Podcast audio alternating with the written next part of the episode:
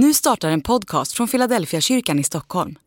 Om du vill komma i kontakt med oss, skriv gärna ett mejl till hejfiladelfiakyrkan.se. Dag 49 Kvinna vid Sykars brunn påminner om många moderna svenskar.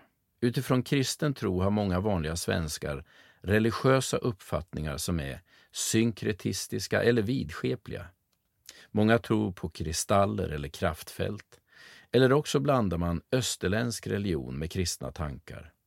Religion har blivit en konsumtionsvara idag där var och en skapar sina egna trosystem. Eller också avfärdar man all religion som rent nonsens.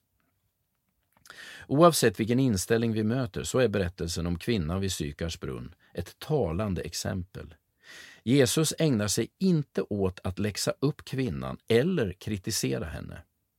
Istället fångar han upp hennes andliga längtan och leder henne steg för steg till upptäckten av vem han själv är.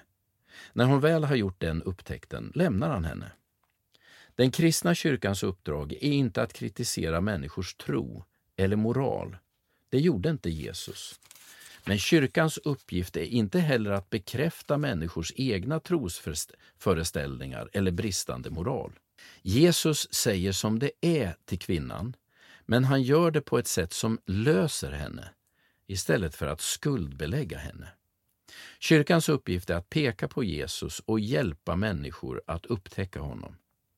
I den upptäckten finns livsförvandlande kraft oavsett hur människors livssituation ser ut andlig övning.